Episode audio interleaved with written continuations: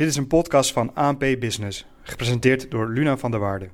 Vanaf dit jaar moeten bedrijven hun impact op onder meer natuur en klimaat rapporteren. Met name kleinere bedrijven zijn bezorgd over de gevolgen van de invoering van deze Europese duurzaamheidsrichtlijn. Dat schrijft accountant.nl. Ik spreek hierover door met Danny Jansen van Mazaar. Wil je jezelf kort voorstellen? Ja, dankjewel Luna. Uh, leuk dat ik in deze, in deze podcast mag zijn. Uh, Danny Jansen, um, director bij, uh, bij Mazaar. Um, samen met een team van, van 14 collega's helpen wij onze klanten rondom duurzaamheidsthema's, zowel op de rapportagekant als ook het verduurzamen van, van bedrijven. We gaan het hebben over de duurzaamheidsrichtlijnen, de Europese duurzaamheidsrichtlijnen die sinds dit jaar gelden. Wat vind je van die duurzaamheidsrichtlijnen? En kun je daarbij ook even kort uitleggen wat ze precies inhouden? Dat kun jij namelijk, denk ik, een stuk beter dan ik zelf. Yes. Ja, er is al veel over geschreven, maar vaak is het nog niet altijd bekend inderdaad. Um, wat wil het zeggen? Bedrijven moeten, en dan hebben we het over de grote bedrijven in Nederland, die moeten vanaf uh, 24 en 25, afhankelijk van de grootte, uh, moeten ze gaan rapporteren over duurzaamheidsonderwerpen in het environmental, het milieudomein, het social domein en het governance domein. En uh, zij moeten dan gaan rapporteren over die onderwerpen die belangrijk zijn voor een organisatie, omdat ze enerzijds als organisatie heel veel impact op de buitenwereld hebben. Um, dus je stoot heel veel CO2 uit. Uh, je kunt negatieve impact op, uh, op een werkomgeving hebben voor je personeel. Uh, en anderzijds thema's die voor de organisatie heel veel impact kunnen hebben. En ik denk dat een van de, de meest um, duidelijke voorbeelden eigenlijk nog heel recent is uh, hoe gaan we om met weersomstandigheden, klimaat op bedrijven. Dus bijvoorbeeld overstromingen. Zit je in een overstromingsgebied, um, wat betekent dat voor jou als organisatie voor nu en potentieel ook in de toekomst in financiële zin? Dus aan de ene kant heeft het te maken met hoe bedrijven georganiseerd zijn en welke keuzes ze maken in bijvoorbeeld klimaat, mensenrechten of sociaal gezien. En aan de andere kant spelen externe factoren dus ook een rol. Klopt, ja. ja dus um, milieu en, klimaatverandering is een van de, van de, de grootste impactvolle op dit moment. Hè. Als je kijkt naar de landbouw bijvoorbeeld. Um, momenteel is Zuid-Engeland uh, heeft bijna betere bruisende wijnen dan de Champagne-streek. Dat had je twintig jaar geleden niet kunnen voorstellen, maar dat heeft te maken met onder andere de verschuiving van de warmtegrens binnen Europa bijvoorbeeld. Um, dus bedrijven hebben inderdaad impact vanuit het milieu, maar ook uh, toenemende veranderende blikken in de, in de samenleving bijvoorbeeld. Hoe gaan we met mensenrechten om? Tien jaar geleden, twintig jaar geleden uh, lag er minder focus op uh, wat vinden wij van de mensenrechten uh, in de waardeketen in bijvoorbeeld China.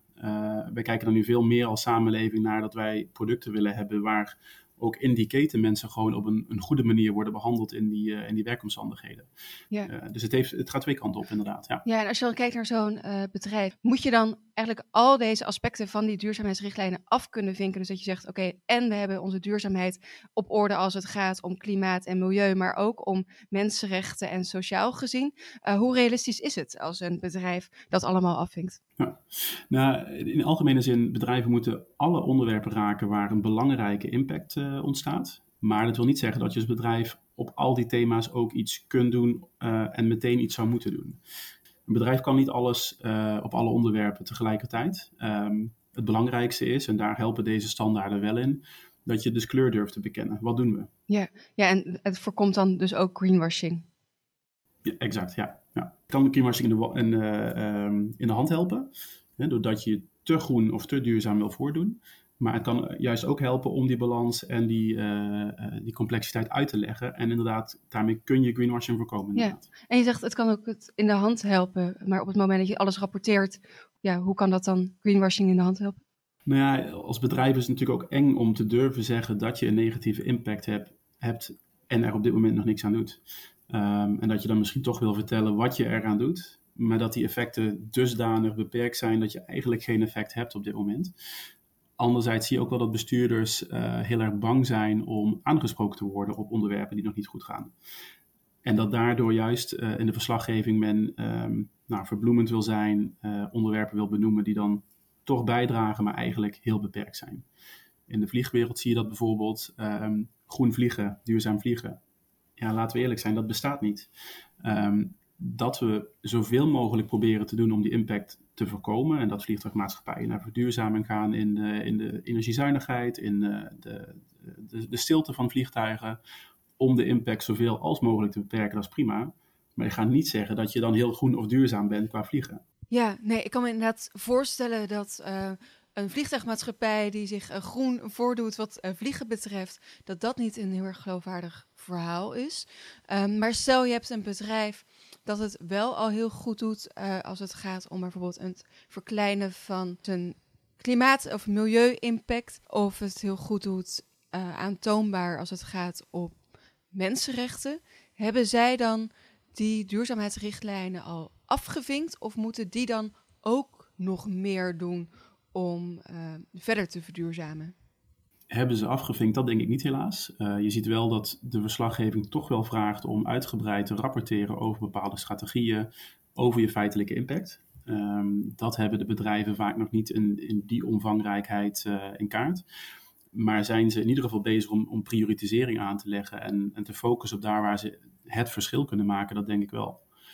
En ik denk als je dan um, ook naar de voorbeelden gaat kijken die misschien iets minder prominent uh, die groene stempel krijgen, dat ook die bedrijven vaak wel uh, in ieder geval al een goede kant opslaan. Um, in de bouwwereld bijvoorbeeld, uh, daar weten we gewoon dat health and safety, de veiligheid van medewerkers um, op de bouwplaats, een heel belangrijk onderwerp is voor de bouwwereld. Um, dat wil niet zeggen dat ze daarmee alles af hebben gevinkt. Maar ze, zijn, ze laten wel zien dat een van de onderwerpen is dat ze daarmee bezig zijn. Circulariteit van bouwmaterialen is een ander onderwerp. Daar zullen ze iets mee moeten. Dat zie je dat vaak nog niet altijd, uh, dat men daar diep op ingaat in de verslaggeving. Um, maar dat zal dan eentje zijn waar je extra focus op moet, uh, moet gaan leggen. Ja, maar als ik het zo hoor, dus uh, als je kijkt naar inderdaad wat je zegt, de bouwwereld is eigenlijk ook al goed bezig. Er zijn best wel wat bedrijven die al goed bezig zijn, dat alsnog moeten rapporteren. Um, in hoeverre gaat dat rapporteren dan te veel tijd kosten en staat dat dan de daadwerkelijke verduurzaming in de weg? Ja, dat is een, een goed punt en een, um, uh, ook een heel terechte zorg. Um, het zal voor een deel uh, best wel even inspanning kosten om die rapportage goed op orde te krijgen en daarmee een stukje um, verschuiving zien van rapportage versus feitelijke impact. Maar je hebt wel rapportage nodig en in ieder geval inzichten nodig als organisatie om te weten of je beleid de goede kant op gaat. Je kunt niet sturen op verduurzaming of op betere werkomstandigheden als je niet gaat meten wat je effecten zijn. Uh, dus je hebt het wel nodig om echte stappen te gaan zetten. En dat zie je ook als uh, bijvoorbeeld wij als Mazaar nu zelf uh, de CO2-uitstoot in kaart hebben gebracht. Tuurlijk weten we dat het het wagenpark is en we weten dat er componenten zitten rondom het gebruik van IT um, huisvesting. Maar je vindt ook andere elementen. Um, de impact van uh, afval, het verbranden van afval, wat we in sommige landen uh, zien in plaats van um, uh, het, het, storten. Wat is daar de impact van? en dan zie je in één keer dat er ook onderwerpen zijn die je nog niet op het vizier had, waar je wel iets mee moet. En dat krijg je eigenlijk alleen maar als je de verslaggeving goed op orde hebt. Er zijn ook al best wel wat bedrijven die er nu nog niks aan doen. Hoe kunnen ze hier de eerste stappen in zetten? Ja, dat, dat zie je eigenlijk als, als grootste uitdaging. Uh, en vooral ook in het MKB, die niet verplicht mee moeten. Uh, en de kleinere grootbedrijven. Um, de meeste zijn nog met de nasleep bezig van, uh, van COVID als het om de financiële impact gaat. Waar de ketens die nog verstoord zijn. Um, veel dynamieken als het gaat om, om privacy, om IT. Dus bedrijven worstelen heel erg met er is al zoveel. en dan komt dit er ook nog bij. Ik denk alleen als je als bedrijf het in hapklare stukjes probeert op te breken en ook dicht bij jezelf probeert uh, te houden, dat eigenlijk een groot deel van de onderwerpen waar je mee bezig bent ook al een input zijn voor uh, het verslag uh, en de duurzaamheidstransitie die, die we met z'n allen op moeten. Um, dus wat zou je als bedrijf kunnen doen? Um, nou, start eerst met een, een overall thema van wat speelt er nou voor mij als organisatie? Waar heb ik impact op en waar, waar krijg ik impact van de buitenwereld uh, om mijn oren?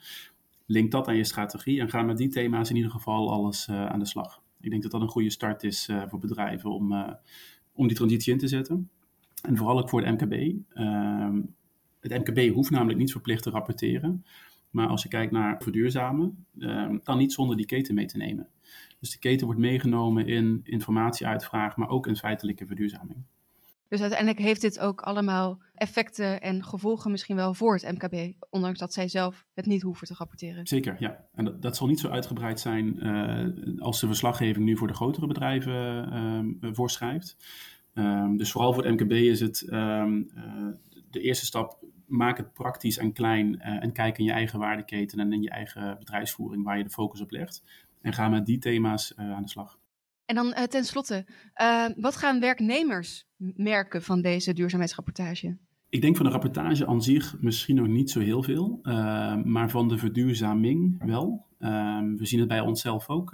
ons wagenpark moet, moet verduurzamen. We hebben nog relatief veel, veel auto's in het wagenpark zitten met, met fossiele brandstoffen die moeten omgaan slaan naar um, een verduurzaming. En op dit moment is elektrificering dan de, de, makkelijkere oplossing, om het zo te zeggen. Waterstof is er niet zo ver. Maar dat betekent wel dat je als uh, medewerker een auto hebt die je moet opladen. Dus je reisbewegingen zullen veel meer gepland moeten worden, zijn minder flexibel dan je gewend bent. Um, dus dat is een van die voorbeelden. Hoe ga je om met privacy, uh, met werkomstandigheden? Ook dat is, zal een andere mindset vragen. Dus de verslaggeving nog niet zozeer, uh, maar de feitelijke stappen die we met z'n allen moeten zetten naar een, een, meer inclusieve en duurzame samenleving, die zal zeker veel vragen van iedereen. Danny Jansen van Mazar, dankjewel. Graag gedaan. Dit was een podcast van ANP Expert Support, in dienst van ANP Business.